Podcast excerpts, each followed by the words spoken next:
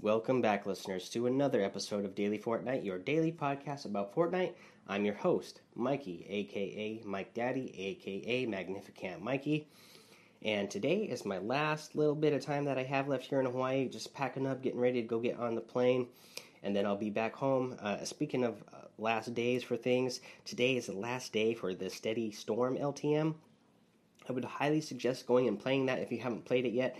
It's a great, a great way to uh, test yourself in pressure situations because if you land on the edge of where the storm is coming in, uh, you're going to have constant pressure of having to be moving in towards the circle. And if you happen to land in the middle of where the circle is going to end up, that's great, but you will have constant pressure of people moving in on you. So it's a great way to uh, practice, you know, holding the middle ground and, uh, you know, having pressure at, coming at you when you're in that type of situation, especially end game when you're playing a normal game.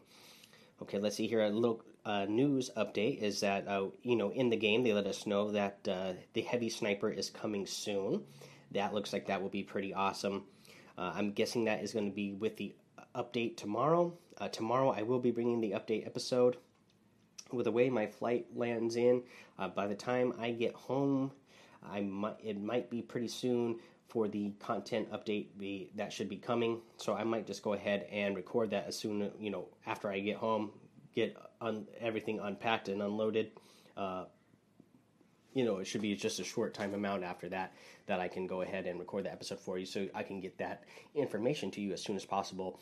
Uh, because uh, we know that the Steady Storm LTM is going away, so maybe they're going to get us a new LTM in the meantime.